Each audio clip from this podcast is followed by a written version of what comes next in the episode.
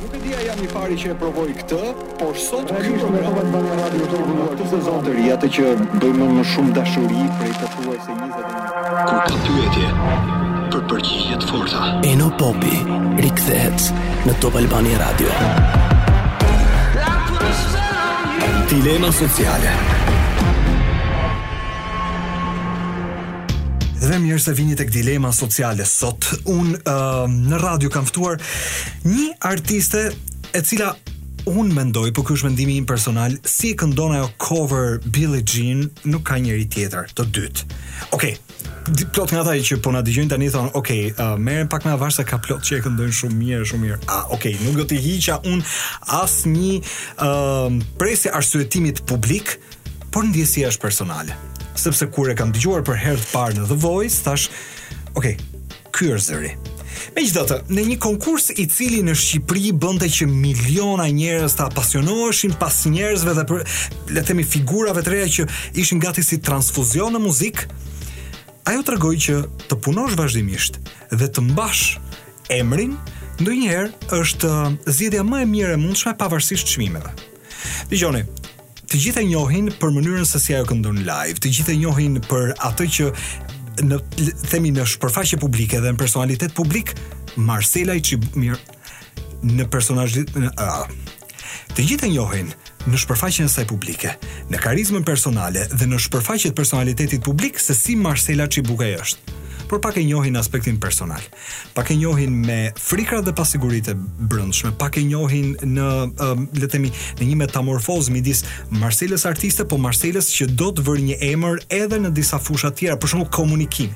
Unë gjithmonë kam pasur një uh, skepticizëm nëse Shqipëria është e gatshme për të bërë musical. Megjithatë, Herë pas here nga puna jonë, sidomos me artistë, të cilët nuk janë vetëm personalitete po dhe virtuoze, realisht kam arritur të kuptoj që do të kishte qenë një zhanër i cili nëse do të prodhohej në Shqipëri, do të nxirrte në disa dimensione artistët që ne kemi. Natyrisht ajo është një prej tyre.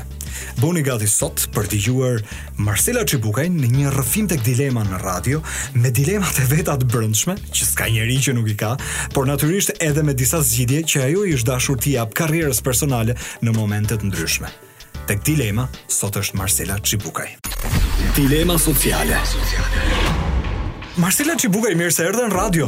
Po mirë se ju gjeta në Top Albania Radio. E më kishte marrë malli. Edhe mua. Jo vetëm, jo vetëm për ambientet e Top Albania Radio, më kishte marrë malli edhe të takoheshim. Po po.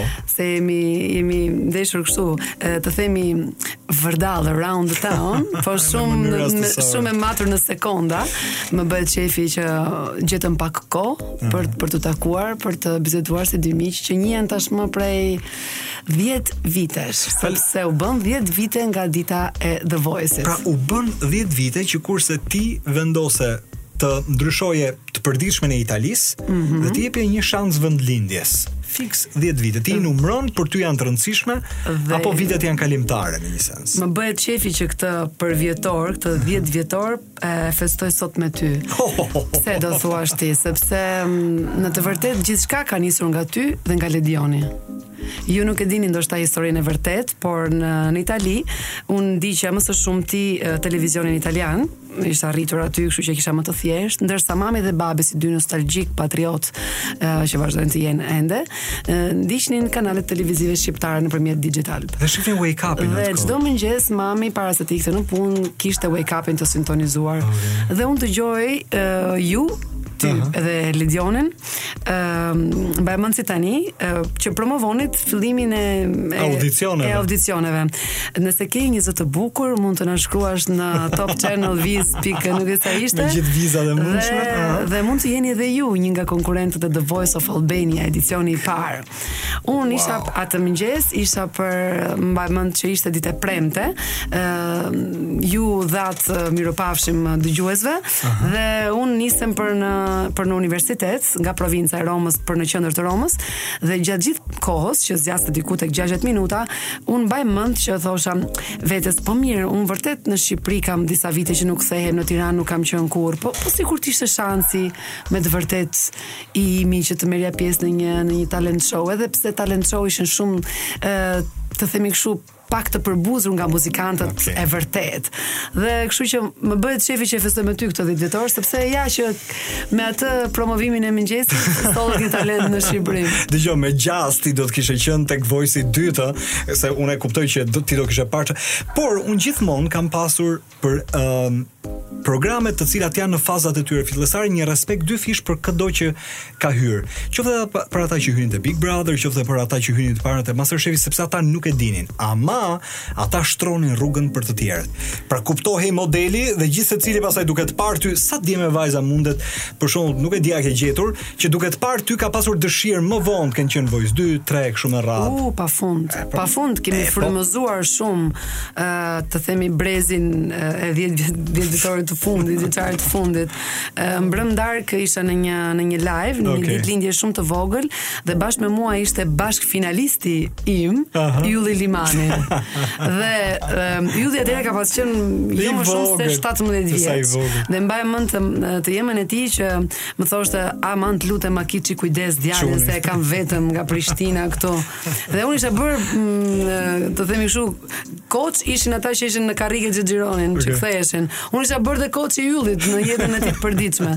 Dhe tani e shoh teksa këndon hitet e tij dhe kanë kaluar 10 vite.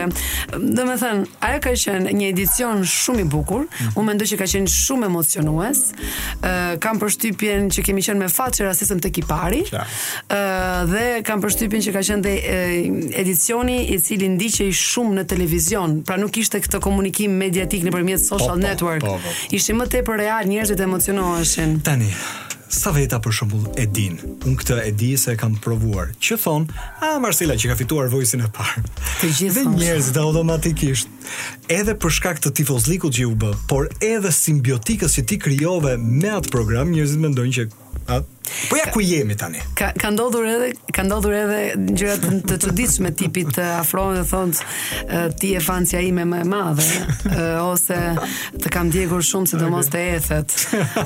Më erdhi shumë keq që nuk fitove X Factorin. Pra të ngatërrojnë edhe me këtë sepse nuk mbajnë mend termin e formatit. Por e kam të qartë ah. performancat. E di, më më ndalojnë zonja, teta, nuk e di, për shembull zonjat e shtëpive okay, tona. tona, tona. Dhe habitem, e no, kur më thonë sa më ke pëlqy me atë këngën e saj, Janis, Janis, Janis Joplinit, Janis Joplinit, që me siguri është një emër për ato mm, jo shumë, domethënë i dëgjuar, ose një këngëtare jo shumë e ndjekur, uh -huh. por mua më bëhet qejfi që unë kam lënë një njollë në, në përmjet performancave dhe pak më të kërkuara. Ja ku jemi.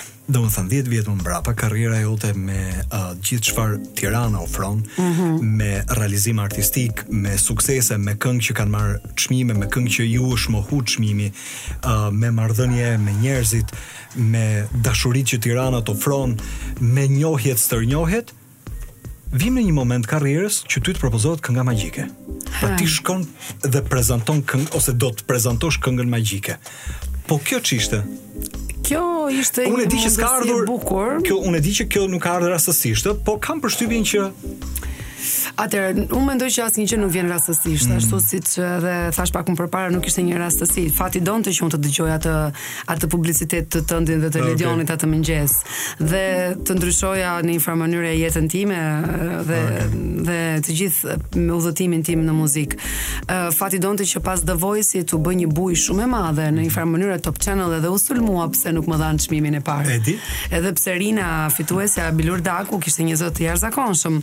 Mirëpo, ëm um, Unë u bëra pjesë e familjes së Top Channelit dhe aty qëndrova për më shumë se 7 vite në 7 sezone televizive e angazhuar në Top Show. Ëm mm -hmm. um, më tej kishte ardhur momenti italianët kanë një shprehje që thonë saturim, pra një një rrugë të mbyllur. Ti e sheh që ajo rrugë është konsumuar deri në fund dhe ke nevojë të ndryshosh uh, timonin nga ana tjetër.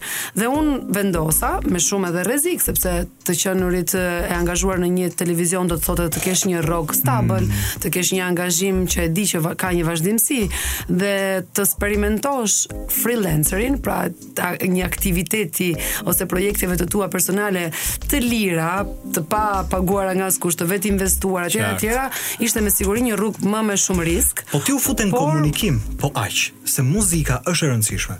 Po ti u fute në ca elemente komunikimi që është Dalja në ekran, komunikimi direkt, prezantimi, intervistimi. Pra ishin ca gjëra që i treguan publikut se mundje të bëje më shumë se të këndoje. Unë e kam treguar edhe në Top Channel. Prandaj po them. Dhe të them të drejtën, pak më vjen keq që Top Channel nuk i vuri re deri në fund. uh, aftësitë e mia. Ndoshta sepse kishte shumë personazhe të tjera që prej vitesh okay. vlerësoheshin, kishte ndoshta më pak uh, hapësirë për për të angazhuar ne që ishim të Topit në një farë mënyre, pra na konsideronin vetëm këngëtarë. Le të flasim hapur, ti mendon që ka pas një shans? Po më pëlqen sigurisht të flasim po, hapur. Po pse mos flasim hapur? A mendon që ka pas një shans të humbur? Absolutisht po. Unë unë mendoj që angazhimi në Top Channel në Top Show ka qenë shumë i mirë. Ë uh, me siguri më ka stërvitur uh, veshin dhe performancat e mia me një orkestër live mm. çdo mm. natë përpara personaliteteve shumë të rëndësishme nga kryeministra, nga ministra, nga Qa. të ardhur nga jashtë, pra ishte një një shkollë shumë shumë e mirë. Qa. Por uh, në 8 vite kam përshtypjen që Top Channel do të kishte përfituar nga rasti për të më dhënë një mundësi ndryshe. që do të kishte qenë prezantimi. Për shembull, menjëherë pasi un dij që ka qenë një luftë e madhe që un të merresha për shembull tek emisioni në një javë, sepse asnjë nuk asnjë nuk investonte tek asnjë centezëm tek figura ime. Dhe kjo për mua ka qenë unë i kam marr vesh disa gjëra dhe për mua kjo ka qenë shumë demoralizuese. Në fakt unë atë emision kam dalë e shkëlqyer. Dhe këtë mund t'ja them vetë sepse kam qenë vetëpërgatitur, kam përballuar sfidat javë pas jave në mënyrë shumë, shumë New Yorkeze dhe mm, në qoftë se sot futemi në YouTube-in e Top Channel dhe mm. ne shohim që performancat e mia nga kënga labe me polifoninë vetë okay. përgatitur e gjitha me radh kanë qenë shumë të klikuara. Në atë moment Top Channel mund të kishte investuar pak ndryshe për mua. Megjithatë, qëndrojmë pak këtu. Ti ke dashur prezantimin apo ka ardhur rastësisht? Un kam dashur spektaklin. Ok, si e kam zhanë. adhuruar spektaklin. Unë jam rritur me Liza Minelli, me jam rritur me me me spektaklin italian që të themi të vërtetën akoma sot është rekord për për perfeksion. Ama ndërkohë ti bën radio. Bën radio um, e, e, e ke parë formën e komunikimit me audiencën edhe në mediume. Pra prezantimi ty të çon radio, ty të çon në televizion her pas here mënyra se si ti do të lidhesh me njerëzit. E interesante ta provosh veten si prezantuese apo ti ende thua është eksperimentale kjo fushë, unë mund të kthehem të bëj step back, pra një kthim pas tek comfort zone im që është muzika. Unë duke qenë uh, uh, spektakël dashëse, uh -huh. Mm, e kam gjithmonë imagjinuar veten si një vajzë që në skenë di të bëjë më shumë se se një gjë. Se sa të këndoj. Dhe në fakt në fakt kam qenë gjithmonë e dashuruar pas prezantimit, kam qenë e dashuruar pas aktrimit, kam qenë janë disa forma artistike që mua më përkasin, më ja, kanë qenë të mia që të vo, që në në në në vegjëli. Në vegjëli, unë isha ajo ajo vajza që ndronte tre katër herë veshje duke filluar nga imitimi i mamit i mësuesve apo i gjyshërve ku di un dhe hiqja xhaketën e babit dhe fillonte këndimi nga këndimi pastaj jepe publicitetin duke imituar publicitetet e radiove në atë kohë pra vazhdonte baleti tip Rafaela Carrà po nuk do kishe qen ti nëse nuk do ishe marrë me muzikën fjala vjen Ça ta kishin projektu familja ty të ardhmen? Ah, ok, unë kam studuar për juridik un, okay. shumë pak njerëz e din. Ti do ishe avokate. Uh, dhe në fakt nuk është një profesion që do ta lë mënjanë sepse mund të lidhet shumë mirë me me botën e spektaklit, po, duke studiuar për shembull në rastin e muzikës të drejtën e autorit. Që këtu është sot. Uh, që këtu në Shqipëri kemi mungesë dhe është shumë keq menaxhuar. Pra, Unë kam qenë spektakëldashëse, unë kam qenë një vajzë që ka dashur reflektorët uh, të ishin drejtuar drejt, drejt saj. Më ka pëlqyer lëvizja, më pëlqen të jem në skenë, unë ndjej atë aromën e, e, e saldimeve që ne kemi në, në, në show, në, në, në spektakle. Shumë pak njerëz dinë që mbrapa realizimit të një spektakli ka një makineri me njerëz që punojnë. Më pëlqen ajo zhurma e pluhuri që ngrihet. Megjithatë, a do kishe bërë ti musical? Ti ndjen oh, që mungon musical në Shqipëri? mungon musical dhe më vjen pak keq sepse ne mund të formonim musical me repertor shqiptar. Çfarë nuk shkon? uh, investimi. Okay. Që është baza, sidomos për këngëtarët e mirë. Mua më vjen pak keq ta them, mm -hmm. uh, përmend emra të kolegëve se po i përmend me shumë krenari. Të paktën ata që kemi qenë edhe në në në, mm -hmm. në Top Channel të angazhuar. Eugent Bushpepa, Kamela Islamaj, këngëtarë shumë të mirë, të jashtëzakonshëm dhe shumë këngëtarë të muzikës live. kanë vuajtur gjithmonë për një një detaj që është baza e gjithçka, e ecurisë të, të karrierave, që është investimi. Pra, ne nuk kemi shtëpi diskografike që thonë, "Ej, Eno Popi këndoka shumë mirë. Çfarë i mungon që ta bëjmë ta bëjmë star, okay. ta bëjmë yll. Okay. I mungon që të ketë këngët e tij. Sa lek duhen për të realizuar albumin e tij? Duhen 20.000, 30.000 euro. Do t'i jap unë dhe do t'ia marr mbrapsht nëpërmjet sukseseve të tija. Hm, Marsela, kjo intervistë duket që do të jetë interesante sot. Për një mhm. arsye mm -hmm. sepse unë shoh që ti ke ca arsyetime të thella mbi edhe si nuk gjërat do duhet të ishin bërë më mirë. Por, mirë se erdhët tek dilema. Dilema sociale. Dilema sociale në Top Albania Radio. Mirë se u rikthyet në radio, unë vazhdoj të jem me Marsela Çibukajn. Ti më the që Muzika jote personale ka ndryshu kohë më kohë. Unë kam përshtypjen që ti tani a klasifikohesh tek kantautore, ti ke tentuar të krijosh muzikën tënde, sikur tjerët kanë shkruar muzikë mm -hmm. për ty. Ça dimensioni artistik i reputon ti vetes? është shumë e vështirë për ta përcaktuar, sepse në fakt Shqipëria është një vend ku me vërtet balta është më e ëmbël se mjalta. Mm -hmm. Se ç'ka mhm. ky vend që të bën për vete, po të bën aq për vete sa edhe në një farë mënyre të tregon disa anë dhe disa pjesë që ti nuk e kishe marrë në konsideratë. Dhe unë e kam bërë edhe nëpërmjet muzikës. Pra, unë kam lindur si një këngëtare blues me këtë vokalin siç e dëgjojnë dhe tani dëgjuesit mm. me këtë gërvishtjen tipike dhe notën blu, pra pa pak malinkonike të, të mm. muzikës afroamerikane. Ëm dhe në fakt m'u desh pak të ndryshoja repertor. Pse? Sepse do të përshtatesha qoftë edhe me cover-a, një dëgjimi të një publiku në një farë mënyrë të edukuar ndryshe. Nuk them të keqedukuar se s'do t'ia lejoja kurrë vetes ta thoja një diçka të tillë, por të edukuar ndryshe nga shijet e mia.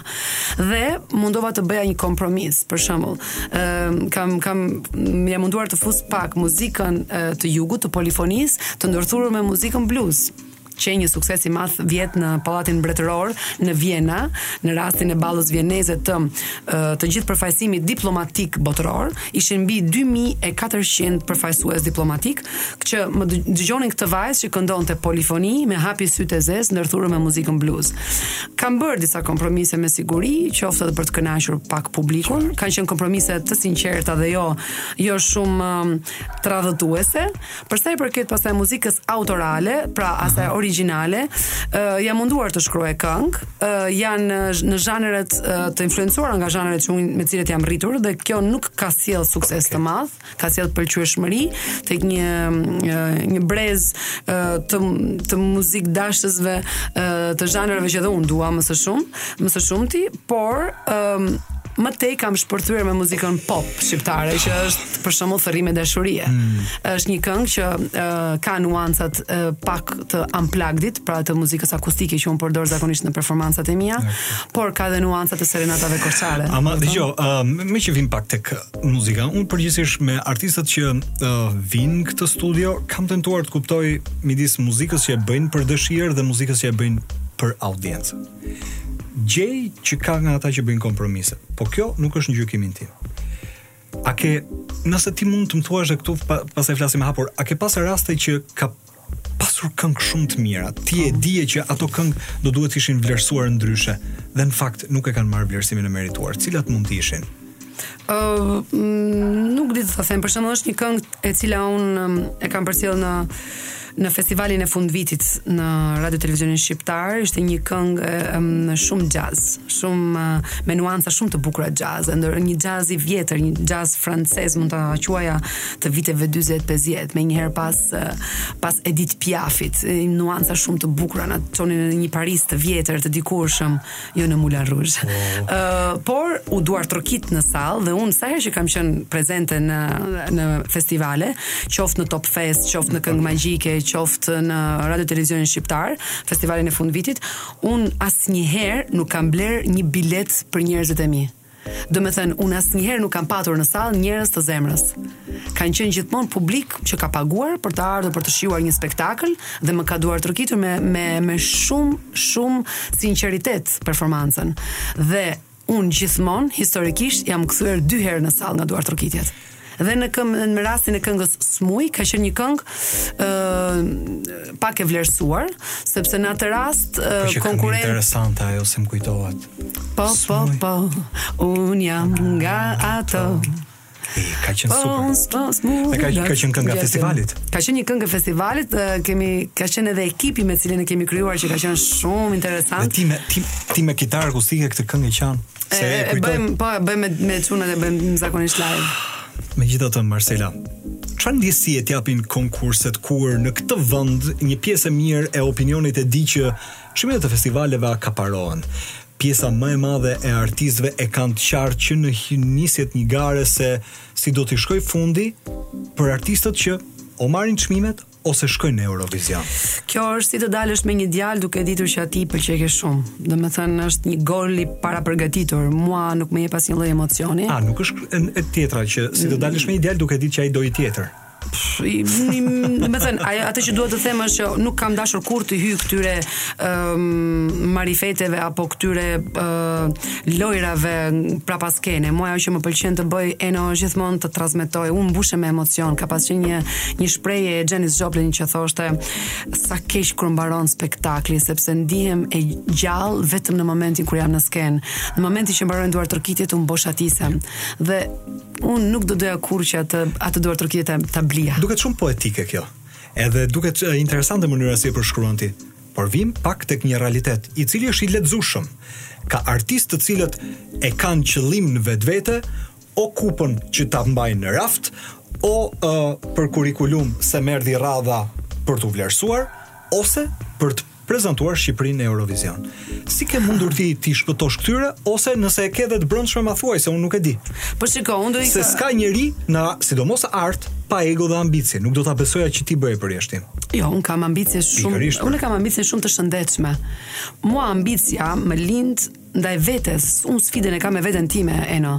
Sfida ime është të çoj një këngë nga fillimi deri në fund pa stonatura, pa luatje ritmike, pa keqinterpretime. Mm -hmm. um, dhe unë në, në rastin në, në cilin unë e kaloj këtë sfidë me veten, unë jam njeriu më i lumtur në botë.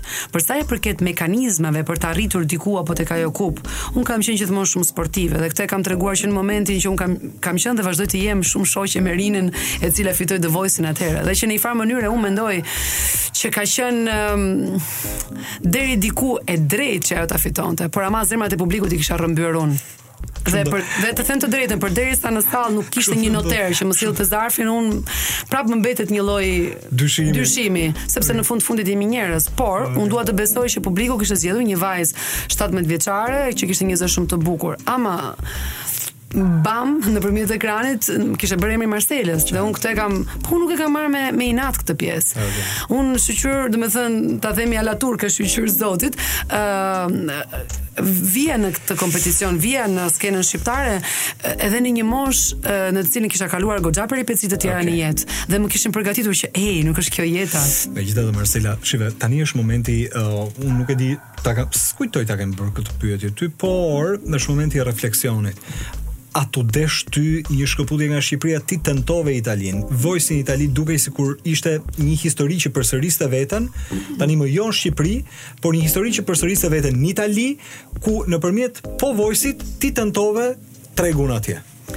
Un pata një ftesë nga The Voice of Albania, nga The Voice of, uh, The Voice of Italy. Um, uh, The Voice of Italy në fakt kishte parë performancat e mia në YouTube dhe pastaj ata kërkonin. Dhe ata kërkonin, ishte një një filozofi pune që ata e përdorin si format, që rrëmbejnë domethënë talentet të, që kanë mbërritur të paktën deri në netët finale në formate të tjera, në vende të tjera dhe i bëjnë të tyren, akoma më shumë kur kanë dhe lidhje drejtpërdrejt me Shqipërinë. Uh, The Voice of Italy ishte një mënyrë për, për të hequr pak atë fiksimin, se të gjithë më thoshin, po në Itali pse s'ke provu, pse s'ke provu në Itali, se kështu thonë, kur është ndoshta, pse s'ke se, se do pësuar. Dhe ti e provove, po ça, ça nuk shkoi? Um, Apo shkoi shumë mirë pra aq sa shkoi. Atëherë çfarë nuk shkoi? Së pari të jesh e seleksionuar mbi 60 e ca mijë konkurrentë të hysh në netët uh, e The Voice of Italy ku hynin vetëm 30 është goxha përzgjedhje. Mirë, okay. E kam për karrierën më tutje. Më më tutje. A ti ke pasur ture, kujtoj me Noemi në po, një po, kohë. Po, po, po. domethënë çfarë nuk shkoi ose mund Kaq sa shkoi ishte shumë mirë si shkoi. Pra ti ti ma ndan këtë. Uh, unë e thash dhe pak më përpara, çfarë ndodh në Shqipëri, ndodh në një në një ndodh në një realitet shumë mm. miniaturë në atë që ndodh edhe jashtë. Ëm uh, nuk kam patur kurrë kontakte të duhura në vendin e duhur me njerëz të duhur. Ah. Çfarë do të thotë kjo? Që në Itali do të jesh shumë me fat, sidomos në Itali që është një vend shumë i madh, që të gjesh një person i cili thotë, "Ej, do ta marr në menaxhim këtë vajzën." Besoj tek zëri i kësaj. Ëm, okay. um, për shembull, mua atëherë më un u eliminova në atë konkurim në The Voice of Italy, sepse vajza që më konkuronte, e cila nuk ishte më e aftë se unë. Okay. Ishte këngëtare e mirë, po jo ndonjë diçka e jashtëzakonshme. Ajo ishte lidhur me një kontratë diskografike gjithsesi. Okay. Ajo bënte zërat bazë, me meloditë bazë për këngët që të merrte më tej pastaj Laura Pauzini, Xhorxha. Pra ishte futur në një kanal i cili e ndihmonte. Ah, çfar dëgjoj ti ti këndon ti jeton me lajvin. Ma, fatkeqësisht. po pse fatkeqësisht? Po sepse është e lodhshme, no. Unë shoh për shembull realitetet dhe më ka rastisur në mbrëmjet që kam kam bërë në, në Shqipëri, ku kam parë të këngëtarë të tjerë që dalin performojnë me tre këngë playback dhe ja hedhin shumë kollaj. Unë lodhem shumë. Për këtë do të pyes vetëm pas pak. Sepse, ok, kjo është zgjedhje. Po me Marsela Çibukajn vetëm pas pak radio.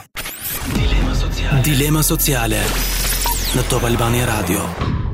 Mirë se u rikthyet me Marsela Çibukajn jam në radio më la dhe ku ta komplet si teaser tek një debat i vazhdueshëm po për zgjedhjet e artistëve, nga ata që shkojnë tek live, nga ata që kanë një zë i cili kaq i duhet, vetëm një mikrofon në skenë dhe një band për të bërë spektaklin dhe të tjerët pastaj që gjithmonë kanë playbackun me vete.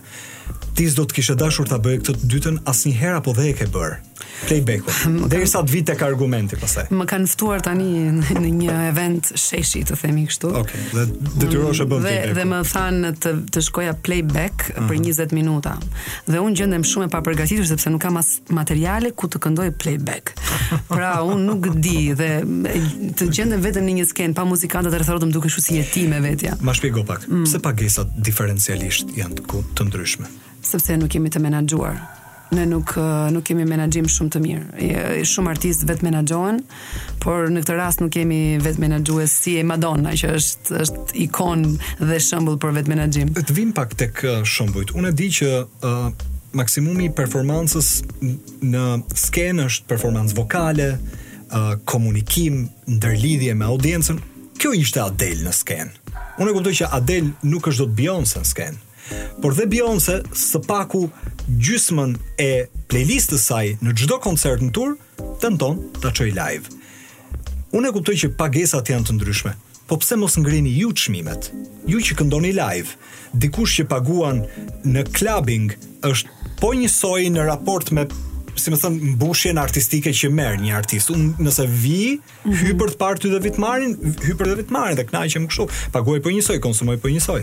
Ë ka ndodhur një fenomen shumë i çuditshëm në Shqipëri, me sa kam vënë re unë duke studiuar pak realitetin, i cili është që në vitet 90 mungoi skena reale. Pra, nëse dikur ka pas qen ka pas qen estrada që shkonte okay. dhe çonte artistët në çdo qytet dhe artistet ishin të paguar me një rrogë bazë. Ë mhm. uh, nga vitet 90 e tutje u shpërnda, u shpërbë gjithçka dhe në fakt në fakt lokali u bë fatkeqësisht skena e vetme për për këngëtarët. Skena e vetme për për për muzikantët. Nuk kishte më estradë, nuk kishte më atë unicitet performanca. U bënë të gjithë këngëtarë, u bënë u mbushën lokalet dhe lokali u bë skena. Por në lokal njeriu merr gotën me e përplas sheh sot fatkeqësisht më shumë telefonin se sa të dëgjojë performancën dhe të them të drejtën lidhur me çështjen e çmimeve dhe vlerësimit të artistëve të vërtetë, unë mua më ka ndodhur një episod ta them shkurtimisht, uh, para disa vitesh, aty kuptova domethënë se sa e vështirë do kishte qenë rrugëtimi për mua në Shqipëri. Uh, Ermonela Jaho, një nga sopranot më të mira aktualisht në botë, jo sepse është e jona, por është e vërtetuar nga mjeshtrat, dhe nga platetë që ngrihen në këmbë, dhuron një spektakël unik me me Madame Butterfly në Teatrin e Operës dhe të Baletit në Tiranë. Çmimi ajo vinte falas për publikun shqiptar, çmimi për publikun ishte 3000 lekë të vjetra.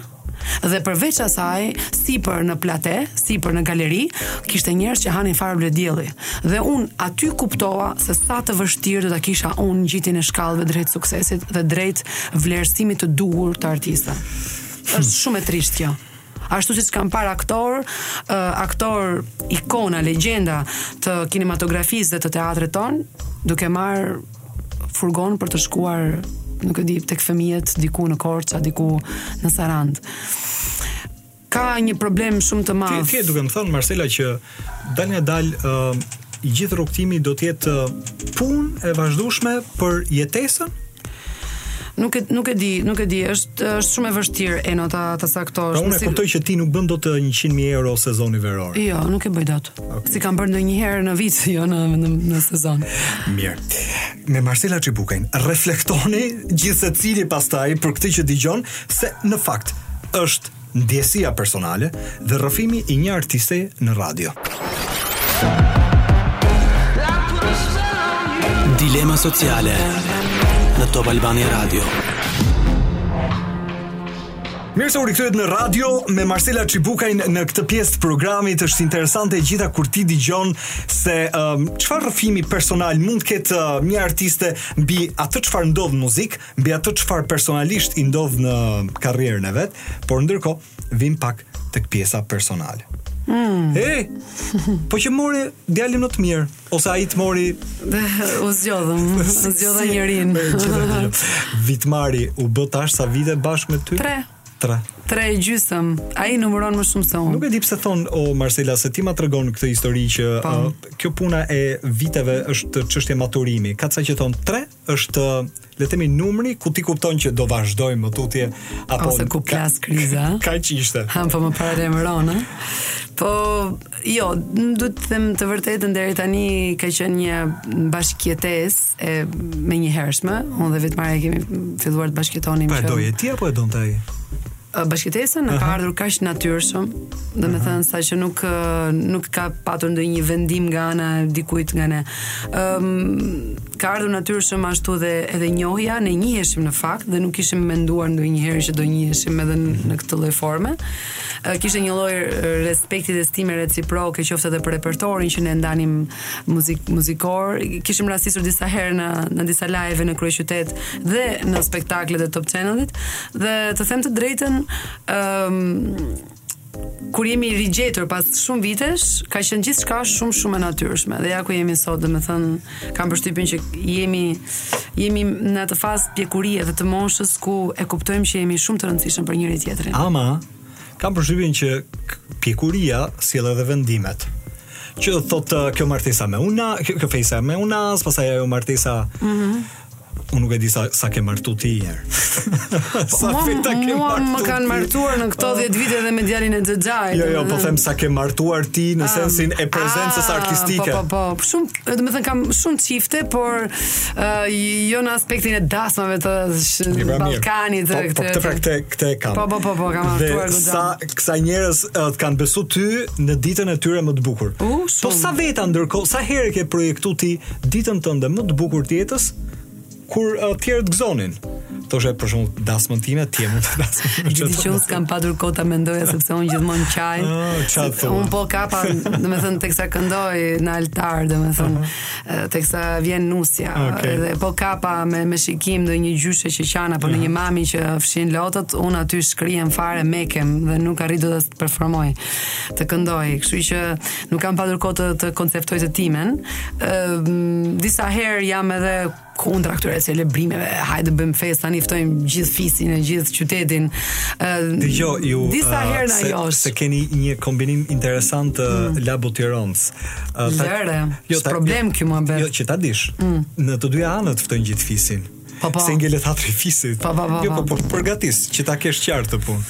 Po në fakt edhe kjo pandemia në mes nuk është se na la shumë fantazi që të fantastikonim mbi mbi prurjen në mhm. dasmën tonë.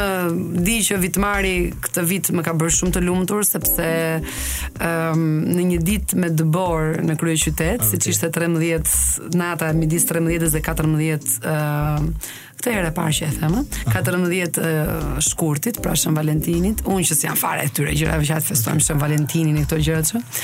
Vitmari vjen me thjeshtësinë më të bukur në botë, me me një romanticizëm të ndoshta të pavetëdijshëm nga ana e tij, po që që më ka shkrirë zemrën dhe më propozon për martesë. Dhe Kështu që mbaj sot unazën e tij në, në gisht, më në fund kur këndoj e e e mundohem të lavdërohem dhe të më këtë gjë edhe tek publiku që ta vërë re që kam unazë fejese sepse deri atëherë isha e fejuar me fjalë, na kishin martu portalet po s'isha martu domethënë tamam. Por që por ndërkohë është kaq romantike e gjitha. Po, më po është. Dhe e ke parasysh kur kënaqesh sepse ti un ju njoh të dyve. Mm. Për shkak edhe të marrëdhënies së mëpërparshme të fëmijërisë njoh Vitmarin, për shkak të prezencës se jemi rritur në një lagje, ndërkohë befas. Po po. Oh, po, të po, nuk e dija. Te Pazari i Ri. Prandaj Vitmari tha sot më më përqafoi më fort. Hajde. Dhe pastaj befas një ditë ti më vjen ti në një sens dukesh ti dhe marrëdhënia vazhdon. Tani të ti je entuziazmuar unë e di se ti më dërgon mesazhe sapo lexon diçka. Ja, në portale. Se kjo është historia. Ah. Ëm, um, Rikthehemi pas pak te dilema. Dilema sociale. Një moment lexoj dhe kjo është e pafalshme se një moment bëra veten bëra një mea kulpa thashë dëgjo unë unë bëj gazetari unë bëj gazetari bëj komunikim s'do duhet kisha po. rënë kaq shpejt. Hmm. Lexoj një titull ku thoshte Marcela Çibukaj së shpejti na prezanton pjesëtarin e ri të familjes 3 dhe Po ashtu titulli, përveç se ishte po. abuziv, nga ana tjetër dhe transkripti ishte abuziv sepse flitej po. flitej për një prezencë të tretë, të tretë që ishte si lajm i bukur kur ah. praktikisht je në pritje të ëmbël. U gëzova unë sepse thashë i njoh të dy dhe i çoj Marcelës një mesazh i them jam shumë i lumtur për ju të dy sepse tani do ju ndryshojë jeta. Dhe Marcela më merr thotë Eno dëgjo. është fjala për qenin. Ti faleminderit shumë për macën, për macën. Kemi një mace, një macok Selite që quhet Lufsi. Na e ka sjellë Vitmari në shtëpi se nuk e di domethënë ka dashuri për macoj, për macokët dhe macet. Unë e kam më shumë për qenushat. Ëm dhe Lufsi është pjesë e jona për 3 vite, sa ka po. lindur dashuria jonë, por ja, ja, edhe këtë gjë ta prek këtë temë sepse dua të bëj edhe te kjo një dilemën time domethënë. Si ka mundësi që edhe kur i besojmë intervistat që të kuptojmë. Ne vim në intervista, vemi në prezenca televizive, nuk jemi të paguar. Shpesh herë shkojmë edhe me me me veshjet tona, me spezat tona, me me, me harxhat tona.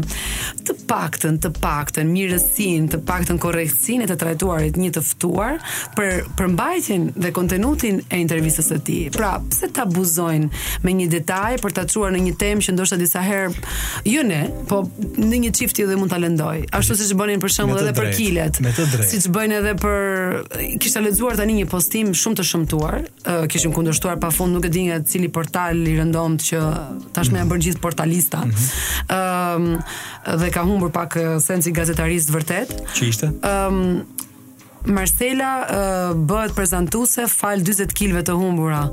Domethënë, sikur ky shndërrimi im fizik bëri të mundshëm një, një arritje time personale në karrierë. Gjëra më të shëmtuara nuk kam dëgjuar ndonjëherë. Unë besoj që ke krijuar një lloj imuniteti të brendshëm. Ose e kam vuajtur në fillim vetë sa. Ashtu. Po, unë mbaj mend intervista e parë që kam dhënë, ishte për një gazetë, atëherë nuk ekzistonin shumë portalet dhe mbaj mend që jam thirrur madje edhe në zyrat e Top Channel dhe më tha Marsela po ç'ne ti me këtë intervistë, shumë po ju keni lexuar intervistën brenda, sepse në fakt më thanë Marsela ti ke studiuar juridik. Po, i thashë unë kam studiuar juridik. Po pse ti ke zgjedhur të studiosh juridik? Sepse i thashë që e vogël un kam qenë fiksuar mbi okay. padrejtësitë. Pse do t'u ndodhte njerëzve pak më të izoluar, më të diskriminuar padrejtësitë? E kisha me rastin e emigrantëve, e kisha me rastin e të të përbuzurve gjithë. Dhe e kishin transformuar. Marsela del nga The Voice dhe shpreh, nuk i kam duruar kurrë dhe nuk i duroj dot padrejtësitë që më janë bërë. E sheh. Domethënë, komplet instrumentalizim. Shëve, unë shumë e shëmtuar. Uh, Marsel, uh, unë jam pjesë e këtij profesioni, unë e di se çfarë do të thotë ta instrumentalizosh apo ta nxjerrësh nga konteksti për një qëllim që është thjesht një qëllim gati minor, që është kjo puna e klikimeve.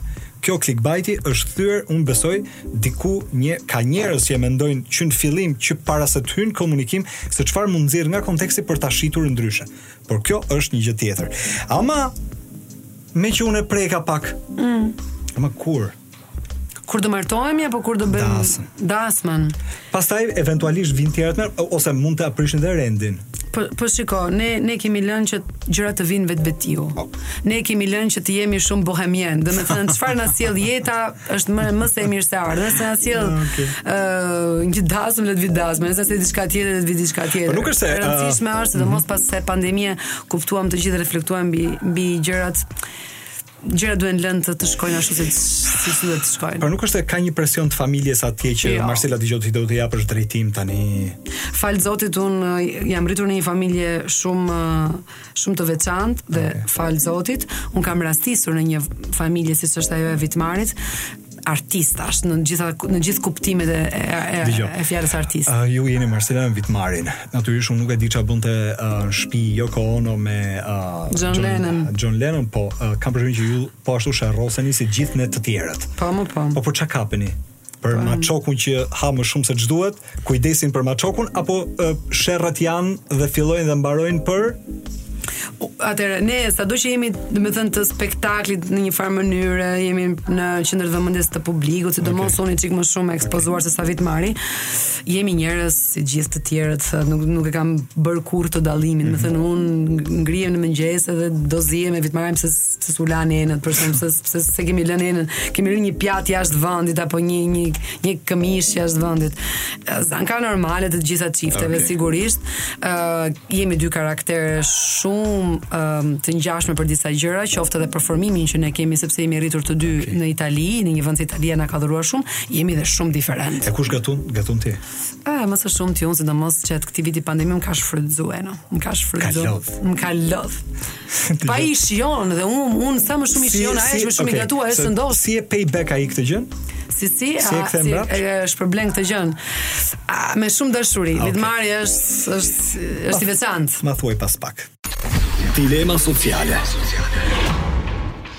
Mirë se u rikthyet në program. Marsela Çibukaj më ka shoqëruar sot tek dilema dhe kur ka një njeri që shef këtë pasqyrën personale dhe bën ca refleksione, ti ke e ke të qartë që ka akoma gjëra për të bërë.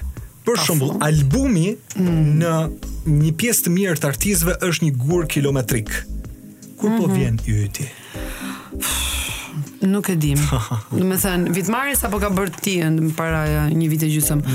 Ëm, mm. um, unë të të timin nuk e di. Ndoshta do punoj mbi një LP. Mund të reduktoj numrin e këngëve për të publikuar. Është shumë e vështirë sepse siç e thashë edhe pak më përpara, Eno bëra një reflektim edhe mbi faktin që uh -huh. ok, muzika që të pëlqen ty, po çfarë i pëlqen të tjerëve? Sepse është bukur kur Lady Gaga si këndohen këngët nga të tjerët. Pra, okay që ti shpreh atë botën tënde dhe mbetet ai publiku reduktuar mami, babi, dy miq që sakrifikohen vinë të dëgjojnë ty.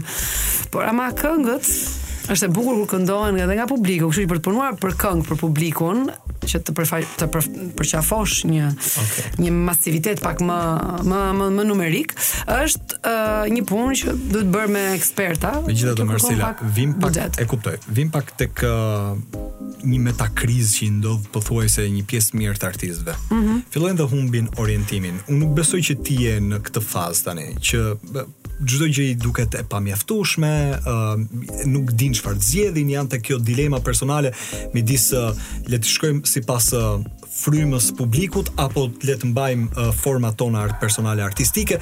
Unë nuk e di A ka fillu, kanë filluar të duken këto element të, le të themi, ndonjë lloj çekuilibrimi artistik? Jo, nuk kanë filluar sepse kam kam menduar, kam reflektuar edhe jam e sigurt okay. që edhe kompromisat janë një gjë e shëndetshme për të gjithë ne. Ashtu sikurse kur jemi me një partner në shtëpi, sfidoj cilindo prej dëgjuesve që disa herë edhe kafshojnë buzën për mos me thënë fjalë, domethënë kur nevrikosen me njerëzit që kanë në shtëpi, e njëjta gjë ndodh edhe edhe për punën. Okay. Unë uh, kam pasion muzikën e kam punë, kështu që një kompromis të vogël tek tuk duhet bërë, por jam gjithmonë e bindur që muzika dhe arti im i drejtohet një shtrese ë, që e kupton ë, muzikën time, që e do atë, që e, e respekton atë për atë që është. Ndaj unë i jap ë, si të thotë, unë i zgjas një dorë ë, në sensin e, e gustove dhe shijeve ë, nga ana ime, por që mbetem besnike dhe shumë koherente me veten. Nuk ë, nuk bëj dot kompromisa tipit ë, është në modë reggaetoni dhe hajde bëjmë gjithë reggaeton. Nuk nuk ka problem nëse nuk shes sa sa shesin reggaeton, do të qëndroj, do bëj pak diferencë se dikush duhet ta bëj. Okej. Okay. Jo, me ty jam. Megjithatë, ë mm. uh, ndonjëherë ka dhe kjo kosto, por kjo pastaj është llogaria që bën me veten Marsela. Hm. Moj, po më thoshe për këngën magjike, ishte pa. Po. kjo periudha që nuk po sistemohesh me veshjet, come on. Nuk jo, do ta kisha besu. Po po mundohemi, shiko, është kjo ftesa që më ka ardhur nga Ardit Gjebrea është një privilegj shumë i madh, e them me shumë sinqeritet. Së pari sepse në këngën magjike, ë me sa di un, ë nuk ka ndodhur kurrë që një këngëtare të bashkëprezantojë me producentin, autorin, të zotin e shtëpisë. Kështu që më besohet ky rol për mua me shumë përgjegjësi. Është dukur kjo kimia mes jush, që kur se ca thërrime dashurie u mm. zgjodh në një moment Dukej sikur Gjebrea e kishte afër zemrës si këngë, nja dy herë performuat bashkë edhe. Po, është vërtet. Pastaj aksesi që herë pas here ai të ka dhënë tek e diela vet. Pra duket një lloj kështu, ë, uh, le të themi muze preferenciale. Me sa duket un këtë ma kam ma kam bërë pyetje domethënë dhe miqtë e afërt. Ë, uh, un un këtë e, e shpreh domethënë me faktin që në në jetë Dashuria që jep disa herë merret mbrapsht. Ç'është e vërteta, un kam qenë një fëmijë shumë e pasionuar pas performancave të Arditit. Ah, okej. Okay. E them me shumë sinqeritet, un vdisja kur shikoja makinën e memorjes. Un kur vinte Arditi në në koncerte, bëheshim copa për ta parë, t'i çonim një lule në skenë. Ka qenë nga, domethënë, është pjesë e e asaj dashurisë që un ki, kisha dhe kam për artin shqiptar, një pjesë shumë e rëndësishme. Ë, ndaj edhe kam me shumë privilegje dhe ndjej si privilegj faktin që jam afër tij, sepse është sikur të isha në të isha rritur në New York okay. dhe të isha rritur gjithë jetën me, ku di un, me një ë nuk nuk di si ta ta ta krahasoj, por të isha rritur me një Frank Sinatra apo me një personazh shumë shumë të rëndësishme dhe papritur ti gjendeshe përkrah ti. Dreqi e mori, këto janë këto janë satisfaksione, këto janë lumturira që na ndryshojnë, na ndryshojnë ditën, na ndryshojnë jetën dhe në janë janë ëndra që realizohen. Që të kanë dhënë ca thërrime lumturie në këtë periudhë apo jo? U, më shumë se thërrime. Më shumë se dhe shumë përgjegjësi, prandaj më ka kapur ankth ç'do vesh, si do çfarë do them, si do them. Ama kur i shet të tjerët, dal bukur të nderoj festivalin. Okej, ti tani ke ankth edhe përgjegjësi të tjera. Unë e kuptoj. Po. E kuptoj se kam parasysh uh, të njëjtat këpucë kur uh, po po, i kam parasysh të njëjtat këpucë vet. Po ideja është që ë uh, ti ç'ndjesi ke kur shef artistët e tjerë që ata kanë atë presionin e vërtetë e merr kush e merr i morën pikët s'i morën pikët apo s'është kënga magjike po, me këtë sistemin e Eurovisionit. Këtë herë jam totalisht e lirë domethënë nga kjo presion. Kam qenë edhe kur kam qenë uh, konkurruese me thërrime dashurie sepse ah, okay. i kthem pak asaj që thashëm përpara unë nuk futem kurrë që Hajde do të marrim kupën. Për mua kupë e bukur është që ajo këngë po vazhdon të klikohet dhe po mbledh sa më shumë klikime dhe janë klikime jo të blera, janë të, janë reale. Dhe për mua Sa ka shkuar? Po deri tani më duket diku te 2 milionë e gjysëm dhe duke përfshirë pastaj edhe performancat që kemi bërë me Arditin, okay. kal e kalojnë 3 milionshin. 3 milion ndoshta edhe 4. Pra, për mua janë arritje këto. Këtë vit jam akoma edhe më e çlirë nga, nga, nga kjo përgjegjësi, domethënë të numëruarit pikë ose e të dhënit pikëve se mund të ketë hatërmbetje, mund të ketë uh, keqkuptime. Uh, kam një rol tjetër dhe përfitoj nga rasti ta falenderoj Arditin, qoftë edhe për për për vazhdimësinë që ai i ka dhënë këtij festivali. Ëh, okay. uh, ka mbajtur gjallë që si këngën këngën shqiptare. Ëh, uh, do të jetë në kushte pandemie në studio, më thanë. po, nuk mund nuk mund të jap shumë detaje, mendoj që ka një organizim ndryshe këtë vit. A nuk e nuk do jetë pallati i kongreseve ku do ketë uh, eksklamacion si, shumë si dihet, publik. Nuk i di. Çfarë thua? Pra, mund nuk i di. Okej, okay, do bëni lëvizje në moment të fundit. Dilema sociale. Dilema sociale në Top Albania Radio. Unë e thashë në nisje, Ti po bën pak radio, po të shijon kjo pjesa. Unë po bëj pak radio, jam angazhuar me një emision çdo të premte dhe jo përveç së radios, uh -huh. në radio jam bashkë me një mikun tim, i cili quhet Armand Sallabanda, që është një fotograf shumë i njohur këtu në Tiranë, në Shqipëri, është një mjeshtër i fotografisë, do ta thoja. Ëh, por ndërkohë jemi dhe shumë italofile të dy, domethënë flasim llaka llaka gjithë ditën. Ndërkohë është dhe një projekt tjetër që po nis dhe starton si si përdoret kjo fjala starton.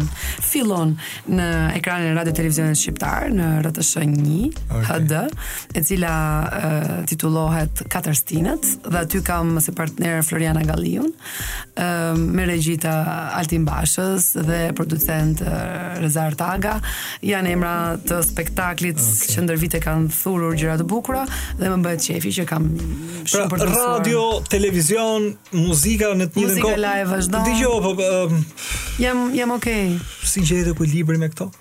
Jam Apo e lumtë, njeriu ti po. mendon që njeriu gjen kohën në çdo rast për gjërat që do. Uh, unë së pari kam kam këtë gjë. Se mos të domethënë. kap komoditeti për dy gjëra dhe Mm. lë muzikën mbas dore. Jo, jo, muzikën e kam kryesore, s'jetoj dot pa. Domethënë, unë po nuk pata mikrofonin, jo arketin atë me cilin flasin prezantuesit, po po nuk pata mikrofonin atë të live-it, Okej. ndihem keq. Gjatë pandemisë vajta bleva dy mikrofona që kisha siguruar që nëse Vitmari përdorte një të paktën kisha timin nga ana tjetër. Dhe në shtëpi kemi dhënë koncerte që komshinjtë tanë nuk e di pse nuk kanë ndërruar shtëpinë në këtë vit. Jo, janë kënaqur. Shihje koncertet e live-it në periudhën kur ishte periudha e izolimit që ndruar. Po si jo? Po, po. Do të shkruaja një herë. Të thosha, "Ej, zerë pak te kënga në, në mes." Këndoje edhe njëherë nga fillimi po thashë si mundet si nuk janë disk, janë thjesht live. E di që mua më ka bërë përshtypje gjatë pandemisë më shumë se 6.000-7.000 followers më kanë ndjekur mua vetëm me, me performancat live në 3 javë. Domethënë fikni komshinjtë pastaj, ata kënaqeshin. Jo, ndonjëherë binin me pesë nga sipër, po na kanë duruar të shkretët, po sepse, ok, kur ti këndon një serenatë, kur këndon një diçka të ëmbël, po kur fillon Vitmari me ato Nirvanat, se aty është problemi. Dhe meqë ra fjala, ju uh, kam përshtypjen që do të nxirrni diçka bashkë. Sa herë piqet brenda çatisë në shtëpi që e nxjerrim një gjë bashkë është momenti jo, gjithsecili po vazhdon rrugën e vet. Pastaj prap bashkë, prap momenti jo. Kur? Atëherë, unë kam vënë re që ne kemi shumë alkimi artistike me Vitmarin. Kemi aq shumë alkimi artistike sa rrallë herë ndodh që çiftet okay. e, e spektaklit shqiptar të kenë, sepse është një një alkimi shumë e kulturuar muzikore. Qa. Kemi dëgjim shumë të mirë të dy. Mirëpo, kur ne ulemi për të bërë diçka bashkë, uh mhm. -huh Kemi vështirësi për të gjetur gjuhën e përbashkët për ta çuar një diçka deri në fund. Ti do me thënë që këtu fillon ë uh, këtu fillojnë divergjencat pastaj. Eh, këtu fillojnë pak divergjencat pse kape në këtë akord, pse pse kape me kitare kështu, po do ta bëj kështu, ah, nuk këndohet kështu, nuk do... Ju sherroseni për akorde, a kupton? Po qofshin këto more, qofshin këto. Po me kaq këtu, këtu, sepse mund të kishit halle kredie pastaj. Po edhe ato kemi, ma edhe ato kemi, për çudi që s'kemi. Kush, domethënë, shiko, jemi të dy, domethënë, fëmijë të brezit, të prindërve tanë, si ti, si unë, si shumë të tjerë, që fatkeqësisht nuk njojnë, nuk njojnë mirë, si në vendet e tjera të botës, aktin e trashëgimisë nga gjyshërit, apo nga ndonjë xhaxha nga Amerika. Kështu që na duhet të punojmë fort dhe mbi këto gjëra krijojmë stres edhe ne. Unë të falënderoj që erdhe në program. Ishte shumë kënaqësi të ndaja me ty uh, gati dy orë pak me muzikë të mirë, me gjëra të cilat ty të lidhin, me bisedë që është një reflektim mbi uh, mbi veten, mbi muzikën, mbi karrierën tënde aktualisht. Marsela, shumë suksese me këngën magjike dhe shumë suksese për gjërat që do të vinë më tutje. Ë uh, shumë shumë faleminderit. Ë uh, është kënaqësi që të takoja Eno. dhe mbi të gjitha sa herë që dëgjoj zërin tënd në radio është catch për veshin tim është ta kap kështu si një refren i bukur sepse tingëllon shumë bukur mbi të gjitha sepse është shumë ka shumë botë brenda të falenderoj shumë m'u bë qejfi që të takova dhe përshëndes gjithë dëgjuesit e Top Albania Radio që kanë qenë të parët që kanë dëgjuar zërin tim në radio hmm. dhe të gjithë të gjithë ata që e kanë ndjekur Marselën nga hapat e para deri më sot ja duket retorike por pa dashurinë e tyre qoftë edhe në largësi, nuk do kisha këmbëngulur kaq shumë që të vazhdonin këto 10 vite të mia në Tiranë, me gjithë vështirësitë, me gjithë satisfaksionet që kam. Më ndiqni në kënga magjike, do mundohem të shkëlqej, do vi shumë bukur në kënga magjike. Kurioz, kurioz jemi të gjithë. Marsela, mm. faleminderit që erdhe në radio, natën e mirë. Ma grazie, natën, natën. Natën e mirë të gjithëve, dëgjohemi prapë tek dilema.